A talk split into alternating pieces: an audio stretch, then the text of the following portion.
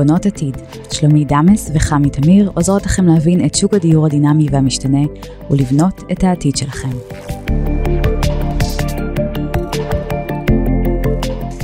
שלום חמי. שלום שלומית. אז uh, אנחנו בפרק חדש, פרק שאנחנו uh, בונות עתיד, ואנחנו באמת רוצות לתת היום קצת סקירה על השוק היום. מה באמת קורה לנו בשוק היום. מה המצב שלנו בשוק. אכן כן, אז... Uh, אז חמי, את כיועצת uh, נדל"ן, יכולה באמת לתאר לנו מה קורה. האם המחירים יורדים? וואו, המחירים לא יורדים. זה לא ייאמן, כלומר, אני לא נתקלתי במשך כל השנים שאני יועצת נדל"ן, לא נתקלתי באמת בפיק כזה גבוה, בדרך כלל הפיקים הם אה, של אחוזים קטנים, של חמישה, שישה אחוז, בהגזמה, ופתאום הגענו למצב של עשרים אחוז. בשנה האחרונה. בשנה האחרונה של עליית המחירים. נכון. אני רק חושבת על הילדים שלנו. איך הם יגיעו לבית, זה מטורף, זה פשוט מטורף. אנחנו באמת בדצמבר, נכון. ואנחנו באמת רואים שהעלייה המשמעותית היא עלייה של 20 אחוז במחירי הנדל"ן. אפילו הבן שלי שואל אותי, אמא, מה זה אומר 20 אחוז? אמרתי לו, אם קנית דירה במיליון, אז היא עכשיו שווה מיליון 200. זאת אומרת, אז הוא אומר לי, אז איך אפשר לחיות את זה? והילד בן 15. כן. הם כבר מבינים ומרגישים את מה, את, את, את הדבר לקראת הזה. לקראת מה הם הולכים. את העלייה המסיבית הזאת. נכון, נכון. אה, עסקאות מתבצעות אבל. למרות העליית מחירים הזאת, עסקאות כל הזמן מתבצעות. יש איזושהי הקפאה בשוק, זאת אומרת, אנחנו כן ירידה, מרגישים כן. שלעומת מספר העסקאות שהיו לנו אה, בשנה שעברה, מטורף זה היה, שבאמת גם דאגו לכך שבאמת יהיו הרבה עסקאות, כי אה, מאוד הנדסו אותנו, אמרו לנו אה, בואו אה, מס הרכישה למשקיעים עולה ואז בום כולם רצו לרכוש, אה, הריביות הולכות לעלות אה, או כל מיני אמרות שגרמו ללחץ לרכוש וזה מה שגרם לעליית המחירים גם כן. אה, בעיקר, בעיקר, בעיקר אני תולה את הנושא הזה בתקשורת, כי אני זוכרת שבשנת 2020, בשנה של הקורונה, התבצעו עסקאות, התבצעו עסקאות, עשיתי עסקאות, ואז את מגיעה לבעלי דירות, ואומרים לי, תקשיבי, בחדשות אמרו 11% עלה מהמחיר של הדירות, אז אני רוצה 11%, אני אומרת לו, אבל שבוע שעבר חתמתי חוזה באזור שלך, דירה כמו שלך, ב-X מחיר, איך אתה עכשיו מעלה לי ב-11%? הרי בתקשורת לא באמת אומרים אה, איפה זה באמת עלה. נכון. הרי הם אומרים עליית מחירים. עכשיו, צריך לפרוט את זה, צריך נכון. לפרוט לאזורים. האם עליית המחירים בתל אביב דומה לעליית המחירים בנתניה, בכפר סבא, בדימונה, בדימונה בבאר שבע. במקומות אחרים לגמרי. זה כותרות, והכותרות אוטומטית מכניסים, עושים הנדסת תודעה ומכניסים את כולם ללחץ. אני נכון. זוכרת את הקונים שהגיעו ואמרו אנחנו נקנה עכשיו, אם אנחנו לא נקנה עכשיו, המחירים יעלו, ובעצם הגענו לתוצאה שאנחנו נמצאים בה היום. נכון. נטו הנדסת תודעה. אז באמת אה, השוק אה, עומד ואנחנו רואים ירידה של 80 אחוז מהחודש, משנה שעברה. נכון.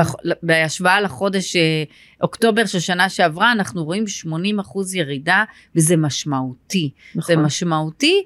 אבל אולי זה קצת נתן שפיות בשוק. זאת אומרת, הלוואי. אם uh, אנחנו היינו uh, מגיעים לעסקה והייתי צריכה מהר מהר להוציא אישור עקרוני, לרוץ, טה-טה-טה, בשביל שעל אותה דירה לא תלך למישהו אחר, כי על אותה דירה עומדים חמישה. נכון. אז, אה, אז, אז, אז אולי זה קצת נתן שפיות. מצד שני, זה לא באמת גדל לנו מספר הדירות. נכון. זאת אומרת, אותם דיר, מספר דירות נשארו, אותו ביקוש יש, זאת אומרת, עדיין הרבה מאוד אנשים צריכים דירות. זה אומר שגם אם עכשיו כולם על הגדר ומחכים, אולי הממשלה החדשה תעשה משהו, אולי ירדו המחירים, הרי זה יבוא הפיק ושוב נרגיש את העליית המחירים אחר כך כי אנשים צריכים דירות. אין לנו איך לברוח נכון, מזה. נכון ויותר מזה הרבה אנשים שקנו דירות מקבלן והקבלן למעשה על הנייר זה לוקח לפחות שלוש וחצי ארבע שנים עד שהדירה מוכנה, מוכנה. ומחכה לאכלוס ואנשים אמרו אנחנו נחכה עם מכירת הדירה שלנו בסמוך לקבלת הנכס החדש מהקבלן ואז אמרו או שהם לקחו הלוואות גישור שאת מכירה ואנחנו תכף נדבר על זה כן. או שהיה להם כסף נזיל והם קנו או שהם התפתו לקבלנים 20-80, נכון. תשלם 20 אחוז עכשיו, 80 אחר כך, ולא לקחו בחשבון שיש את מדד תשומות הבנייה, שזה משהו שלא מדברים עליו, נכון. אבל אה, זה מעלה ש- בעוד 100, לפחות 100 אלף שקל את את המחיר של של. הדירה. וזה דברים שלא דיברו עליהם ולא הכל, והיום שהם רוצים למכור את הדירות שלהם, הם לא יכולים למכור בפחות ממה שהם אה, מחויבים אליו. עכשיו אני יכולה להגיד לך שכיועצת משכנתאות שבאים אליי אנשים וקונים דירה יד ראשונה אני אומרת להם אוקיי מה ההוצאות שיש לנו מסביב אז חוץ ממס רכישה אה, ו- וריביות המשכנתה והלוואות גישור וכאלה צריך לקחת בחשבון את מדד תשומות הבנייה. נכון. בשנה שעברה הייתה עלייה של 6 אחוזים ואנחנו נתקלים במצב שאנשים מקבלים את הדירות ואין להם איך לשלם את ה-60 אלף שקל, 100 אלף שקל שהצטברו כמדד תשומות הבנייה, שזה לא נכנס למשכנתה. צריך לדעת שזה לא נכנס נכון. למשכנתה. נכון שנכנס לנו עכשיו חוק חדש, שהחוק החדש באמת מצמיד רק 40 עם אחוז כן. ממחיר הנכס למדד למ- תשומות הבנייה, שזה מקל עלינו מאוד. עדיין צריך סכום. לזכור שמחכה לנו סכום, והוא יכול להגיע, ואנחנו צריכים להיות מוכנים. אז כשמתכוננים לרכישת יד ראשונה, זה לא רק להסתכל על מחיר הנכס, אלא על דברים מסביב, על התשלומים. איך אמרת, 20-80? זה- מה מחכה לנו ב-80 בדיוק, האלה אף אחד כשנגיע לא לוקח את זה לרגע? בחשבון, זה מאוד מפתה, איזה כיף, אני הולכת לקנות בית חדש, ונותנת 20 אחוז, 80 אחוז בסוף, אבל ה-80 אחוז בסוף הזה פוגש, ופוגש לא תמיד בקטע טוב. את יודעת, אנחנו נפגשים היום ב, בדברים האלה של ה... לדחות, זאת אומרת, את התשלום, אני דוחה אותו וכולי, ואז דברים משתנים בשוק, כמו עליית הריביות. נכון. מה קרה לנו בתקופה האחרונה? הפריים עלה מ-1.6 ל-4.75 היום, ואולי ב-22 לחודש נצ- נצפה לעוד עלייה. אנחנו באמת לא יודעים מה, מה, מה, מה זה הולך להיות, אבל זה העלה את לאנשים את ההחזר החודשי ב-1,000, ב-1,500 שקל, אה, במחירים, ב- הם לא התכוננו לזה. אנחנו אה, פשוט לא, לא, לא הכינו אותם לעניין, ויש אנשים שאמרו, אה, פריים הוא זול, בוא ניקח שני שליש בפריים, ו- וכשהפריים יעלה אני אמחזר. אבל עכשיו כשהם רוצים למחזר, למה? לכל הריביות האחרות שכבר כבר כבר עלו, עלו. אז, ואז הם נמצאים במין מלכוד כזה.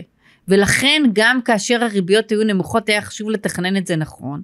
והיום שהריביות עלו, אז על אחת כמה וכמה לחשוב איך לבנות את זה, והאם באמת אני יכול להיכנס לעסקה או לא, כי ההחזר החודשי קפץ בצורה משמעותית. ובכלל, האינפלציה, את יודעת כמה אינפלציה הייתה לנו בשנה האחרונה? חמישה אחוז? חמישה אחוז. מטורף. זה אומר שעליות המחירים בכל זה. דבר בחיים שלנו, עלה. כצרכן עלה. אז לא רק שעלה לי המשכנתה, אלא עלה לי המים, החשמל, הצריכה של בכלל לקנות... הסופר. הסופר הסופר. שלנו עלה כל כך הרבה. מטורף. אז אנשים מתקשרים אליי בלי הפסקה היום, ואומרים לי, שלומית, מה קורה פה? עד לאן זה יגיע? מה לעשות? אני חייבת אבל להגיד לך, שלי תמיד הייתה חשיבה של אני חוסכת, חוסכת לאנשים מה כלכלי בשבילם. ופתאום עכשיו שפונים אליי אנשים ואני יודעת שהריביות שלהם מצוינות, המשכנתה שלהם מצוינת, אבל הם לא יכולים לחיות איתה. זה אומר שאני צריך למחזר את המשכנתה גם בגלל שהיא, גם אם היא מצוינת. זאת אומרת, אם אני מצליחה היום להוריד לאנשים, לקחת את אותו פריים, שיש לו יתרונות גדולים, שהוא לא צמוד וכולי, ולהעביר אותו להלוואה שהיא צמודת מדד, שהיא בריביות יותר יותר נמוכות, אני מצליחה להוריד להם ב-500-600 שקל את ההחזר החודשי, כלכלי זה לא, אבל זה נותן להם לעבור אוויר. את התקופה הזאתי, מאשר להיכנס למינוס ולהיכנס לסחרור כזה, זה עדיף. את רואה צפי מצב של אנשים שמתחילים, יתחילו לשחרר דירות כי הם לא עומדים במשכנתה? יכול להיות אה, מצב כזה? המצב הזה, אה, אני יכולה לומר לך שאני כבר נפגשת באנשים שאומרים לי, שלומית, מה נעשה? נמכור את הבית. ואני באמת, את יודעת, עמלנו כל כך קשה להגיע לבית הזה. באמת, אנשים, עד שמשיגים את ההון העצמי, ועד שקונים את הנכס ומשלמים את המשכנתה, ו- ופתאום להגיד, אני מוכר את הבית כי אני לא יכול לשלם, זה הדבר האחרון שאני רוצה הלב. לשמוע וזה ממש כואב לי הלב ואני מנסה למצוא כל מיני פתרונות אה, אולי הם רגעיים אבל אנחנו מאוד מקווים שאולי הריביות ירדו בעתיד ואז זה קצת ייתן לי איזון ונוכל להחזיר את הדברים אבל כן זה, זה, זה הולך וקורה במיוחד אה, חבר'ה צעירים שלקחו אנחנו נדבר על זוגות צעירים שלקחו כן. משכנתאות במינוף מאוד מאוד גבוה. גבוה. זאת אומרת לא רק את ה-75% ממחיר הנכס, אלא גם לקחו את ההשלמה של ההון עצמי כהלוואות. וזה משהו שהיום, זה מתפרץ, זה פשוט מתפוצץ בסופו של דבר בפנים. כי נכון. אין מה לעשות, יכולת, אה, הרי אנשים מרוויחים איקס, הרי המשכורות לא עלו. נכון, המשכורות נשארו אותו דבר. וגם אה, המון אנשים אה, שיכלו להרשות לעצמם כי הם עבדו בהייטק, שהמשכורות שם הן הרבה יותר טובות מהמשכורות של אה, כלל הציבור.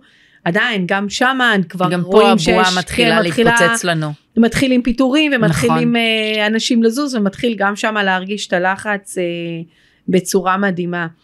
אני ככה רוצה לשאול אותך כמה דברים. אה, קודם כל, האם בשלב ראשון אנחנו, לפני שאני קונה בית, האם עדיף לחפש בית, לראות משהו שמוצא חן בעיניי ואז להגיע ליועץ משכנתאות, או ש...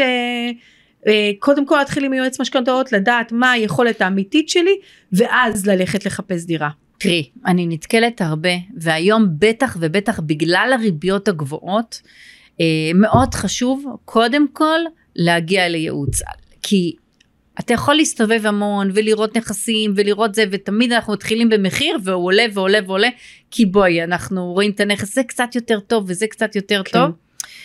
ואנחנו אה, נכנסים לסחרור של אה, משכנתה מאוד גבוהה שיוצרת בעיות בהמשך. לכן, קודם כל להגיע ליועץ, להבין את היכולות שלי, מה אני מסוגל, איזה החזר אני רוצה, עוד לפני שראיתי את הנכס, ואז כשאני מגיע, אני גם לא אלך לראות נכסים שהם לא ביכולת שלי. זה בדיוק כמו שפונים אליי אנשים והדבר ראשון שאני שואלת, הם רוצים לקנות בית? הדבר הראשון שאני שואלת, אישור משכנתה יש? כן. בדקתם מה היכולת הכלכלית שלכם? נכון. מה ההון העצמי הראשוני שיש לכם? כמה אתם מרוויחים? קודם כל תלכו ותעשו את הצעד הראשון הזה, ואז אנחנו נתחיל לחפש דירות שבאמת הן בהתאם ליכולת. כי הרבה פעמים אה, מה שרוצים ומה שיכול זה לא אותו דבר, השאלה היא מה שמקבלים, מה שיכולים, השאלה איך ממנפים את זה, כי יש גם עוד רעיונות נוספים שאנחנו גם נדבר עליהם, כמו לקחת, אה, לקנות שתי דירות קטנות, להשקעה או כל דבר אחר, שאנחנו, כן. על זה יהיה לנו פרק שלם, נכון. על מינוף, אה, על מינוף נכסים. מינוף נכסים. ומינוף אה, כסף. אה, נכון, כל הנושא הזה באמת צריך, אה, עכשיו לפעמים אנשים חושבים שהיכולת שלהם מאוד נמוכה, וזה ומופתעים. מדהים, ומופתעים להבין, וואו, אז אפשר, באמת אפשר להגיע לנכס כזה, ולפעמים זה הפוך. לפעמים מגיעים אליי לקוחות שהם אה, חיים מה שנקרא בלה לה לנד, ואני אומרת להם, חבר'ה, זה מה שאתם יכולים להגיע, מפה עד לפה, וזה התחום שלכם. ואז הם, א', זה מקצר גם ליועץ הנדל"ן את הריצות שלו, אנחנו הוא לא, לא רץ רצים רץ, למקומות שהוא סתם. לא יכול. בדיוק. בוודאי, אז אנחנו, אני, אני נותנת את הכלים גם ליועץ וגם ללקוחות לאיפה ללכת, בדיוק. מה לחפש ולמצוא פתרונות לאיך אה, זה. כלכליים שיתאימו להם. רציתי לשאול אותך, חמי, כן. היום אנחנו נתקלים בנושא של כל הערכת שמאות של הנכס. כן, יש לנו פער, לגמרי. איפה את, אה, את אה, רואה את הדברים? אז זהו. אה, איפה אני רואה את הדברים? קודם כל, בדרך כלל שמאות מוקדמת אני ממליצה לעשות בדירות שהן דירות עם פגמים אני קוראת להם. אם אין היתר, אבל כן אפשר לקחת משכנתה כי יש דברים כאלה. כן, כי אם כי דירות ישנות דירות או דברים ישנות אחרים. שההיתר הלך לאיבוד בעירייה, שאנחנו יודעים שבבניינים מסוימים כן אפשר לקבל, כן אני אפשר. תמיד ממליצה לעשות שמאות מוקדמת. לפעמים שאין טאבו אבל יש מנהל, גם כן לעשות שמאות מוקדמת כדי לדעת באמת אה, האם אפשר לקחת, אה, אפשר לקנות את הדירה עם משכנתה או לא. ואז במצבים כאלה אני לא חושפת את הקונים. לסכנה. כאילו שהם הלכו חתמו חוזה, כן. ואז יש שמאות ואז השמאי לא מעריך אה, נכון את מה ש... אנחנו רואים את זה, אני חושבת, בתקופה האחרונה, בגלל הפחד של השמאים מהשוק, נכון. שהשוק ירד או לא ירד וזה, הם ואז הם, הם, הם, הם באמת עושים לנו ארוחות חסר, ופתאום אנחנו רואים שהסכום הוא נמוך ממה נכון. שזה. ממה שציפינו. עכשיו אם. לקוחות באמת לוקחים 75% מימון, ואין להם הון עצמי, אני חייבת לעשות שמאות, שמאות מוקדם. מוקדמת, חד בשביל משמעית. לא להיתקע חס ושלום למצב של הפרת חוזה כי אין להם כסף להשלים נכון. את העסקה בגלל ששמאי העריך לנו העריך לנו פחות. נכון. אה, אני יכולה לומר שיש באמת הרבה נכסים שאולי הם קצת אה, קשים מבחינת השמאות, אה, דברים שלא בהיתר או דברים כאלה, אבל אנחנו מצליחים להעביר אותם. לכן מאוד חשוב, עושים את השמאות אבל יודעים עם מה להתמודד אחר כך ובאמת לאשר את הרבה פעמים אני המשכנתאות. נתקלת בזה שאומרים לי, תשמעי, אבל השמאות המוקדמת עולה יותר יקר מהשמאות הזה, אז אני אומרת, זה הרבה יותר זול לכם, שאתם עושים שמאות מוקדמת, נכון. ואתם בטוחים בעסקה שאתם נכנסים אליה, מאשר תופתעו ואז אתם מפסידים הרבה יותר, כי להפסיד 10% בעסקה זה הרבה יותר גבוה מהשמאות המוקדמת, נכון. שזה משהו שהוא מאוד חשוב. אני רציתי גם לשאול אותך, אה, לגבי הנושא של המחיר למשתכן, והדירה בהנחה שואלים אותי כל הזמן מה ההבדל בין, בין המחיר למשתכן לדירה לדירה בהנחה בהנחה. אז אני יכולה להגיד לך שכל ממשלה שקמה נתנה לזה שם אחר. כן מה אבל המפס בסך הכל, בסך הכל מדובר באותו דבר. עכשיו באמת אנחנו ממש עכשיו לקראת כן. הגרלה חדשה. ו... ולמי זה מתאים בכלל בדיוק למי העניין של המחיר למשתכן? לפעמים אנחנו נתקלים בזוגות שאומרים תקשיבי אני גם ככה לא עובד אני לא אני לא זה איפה זה רחוק ממני אני לא לא לא נרשם בכלל. וחשוב להדגיש היתרון הגדול במחיר למשתכן או דירה בהנחה או איך שקוראים לזה זה עניין ההון העצמי.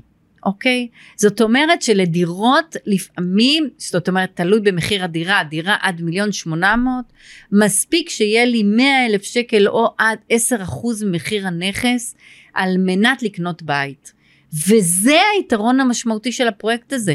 זה דירות שנכון, עוד אין היתר, ועד שיהיה זה עוד 4-5 שנים, וזה צמוד למדד תשומות הבנייה, והמחיר הזה יעלה, הכל נכון. וגם אנחנו לא יודעים מה יהיה המצב הכלכלי באותה נקודת זמן של עוד חמש שנים נכון. כי היום אני לוקחת משכנת היום כאילו אני נרשמתי שילמתי את ההון העצמי שלי עשרה חמש עשרה אחוז מה שיש לי ואז בעוד חמש שנים כבר זה זוגות צעירים שנולדים להם ילדים שהם אה, נמצאים במקום אחר בחיים שלהם. בחיים השאלה אם אז הם יוכלו לקחת משכנתה ולקנות את הדירה אז אני חייבת לומר לך, במחיר למשתכן את לוקחת את המשכנתה כבר במהלך, את לא מחכה לחמש שנים. זאת אומרת, בגלל שזה בעצם תשלומים של פעימות, כל שלושה, ארבעה חודשים, תלוי בפרויקט, 10 אחוז, 10 אחוז, 15, זאת אומרת, יש לנו ממש פעימות בדרך. וזה במקביל לתשלום משכנ... אה, שכירות דירה נכון. אז זה אומר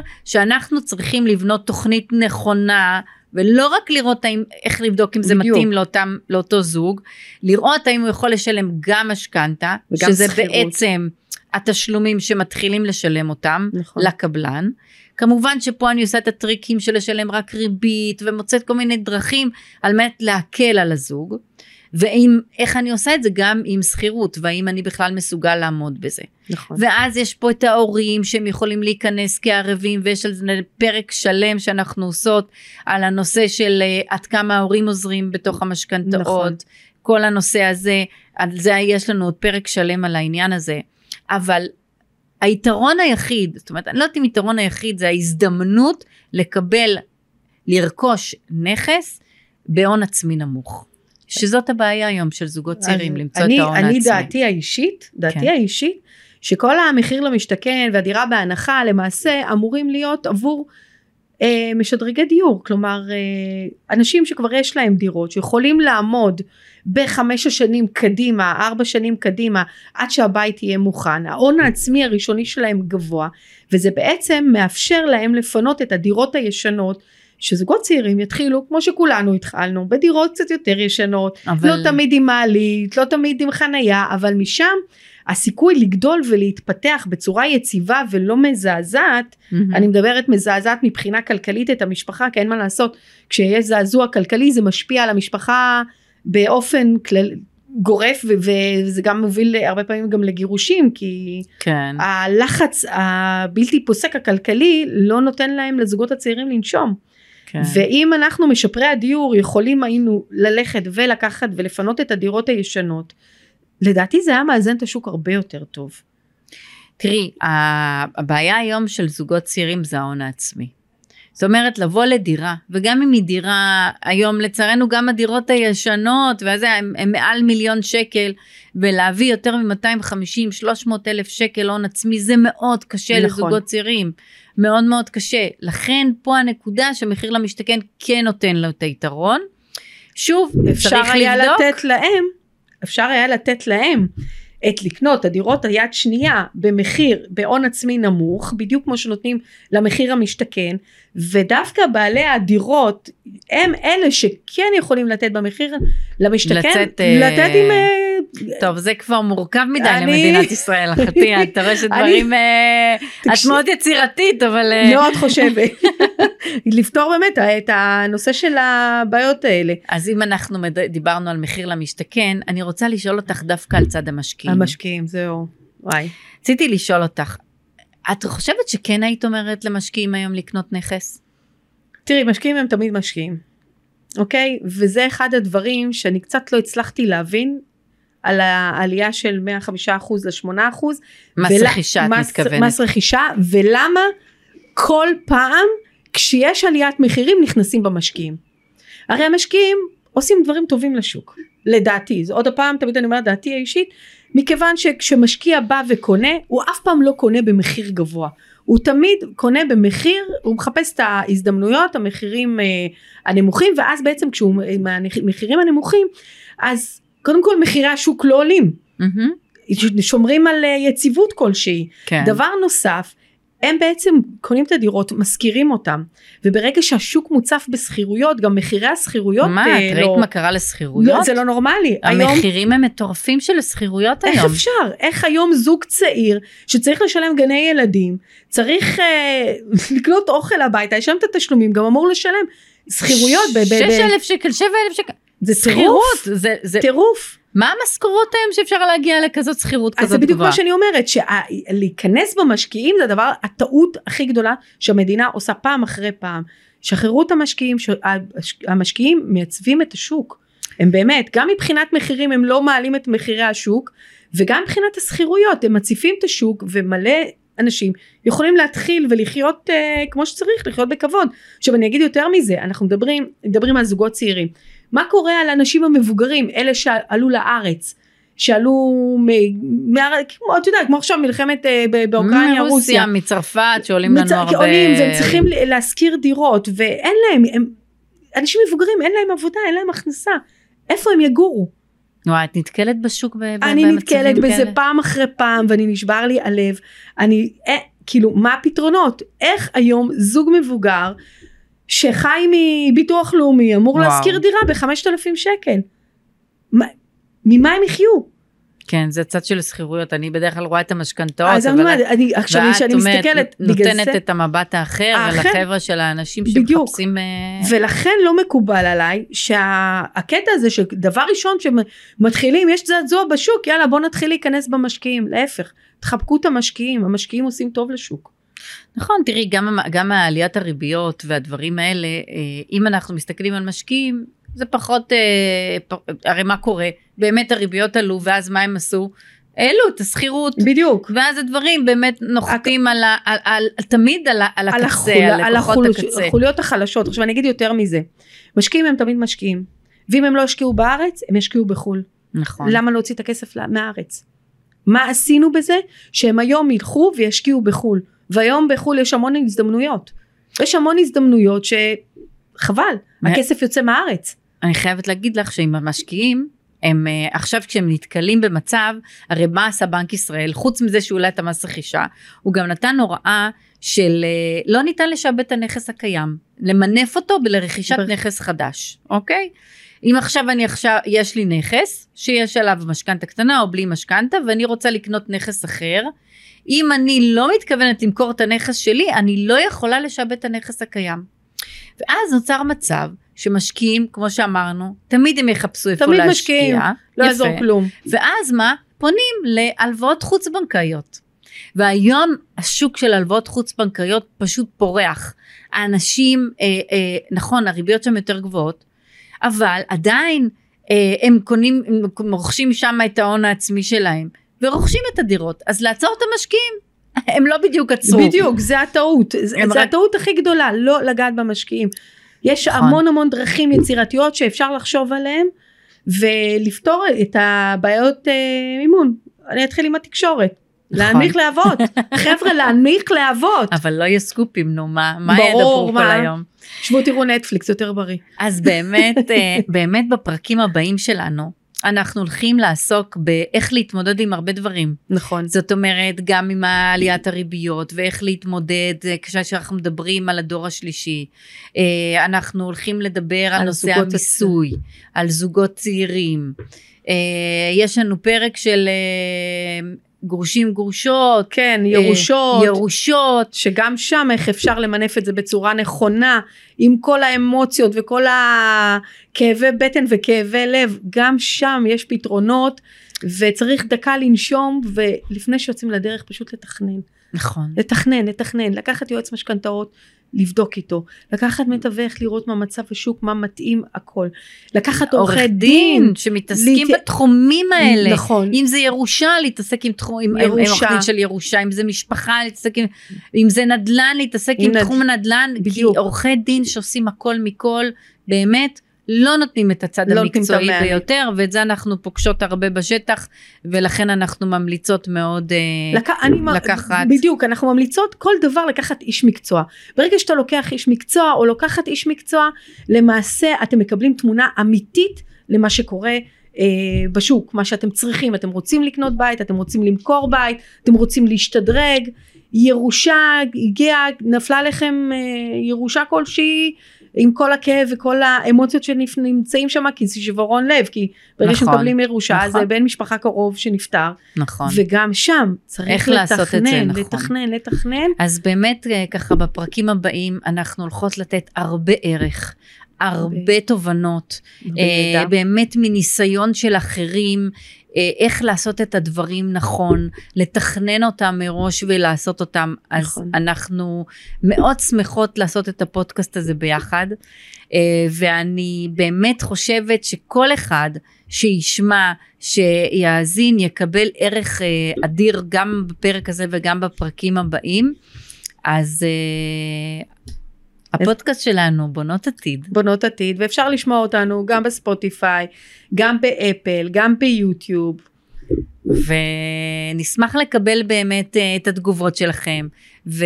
שאלות, אם יש דברים שמעניינים אתכם ואתם תרצו שאנחנו נעלה אותם, אנחנו נשמח. אנחנו אנחנו בכיף, פה אה, לכל שאלה ובאהבה. תודה רבה.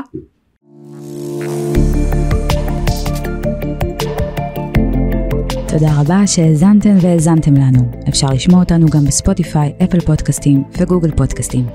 אם אהבתם את הפרק, אנא דרגו אותנו בחמישה כוכבים באפליקציה בה אתם מאזינים, ושתפו את הפרק לפחות לחבר או חברה אחת שיהנו ממנו.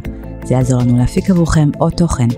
אם יש לכם רעיונות לפרקים נוספים, או לנושאים שתרצו שנדבר עליהם, צרו איתנו קשר. מוזמנים לבקר בפייסבוק, באינסטגרם, ביוטיוב ובטיקטוק שלנו. נתראה בפרקים הבאים.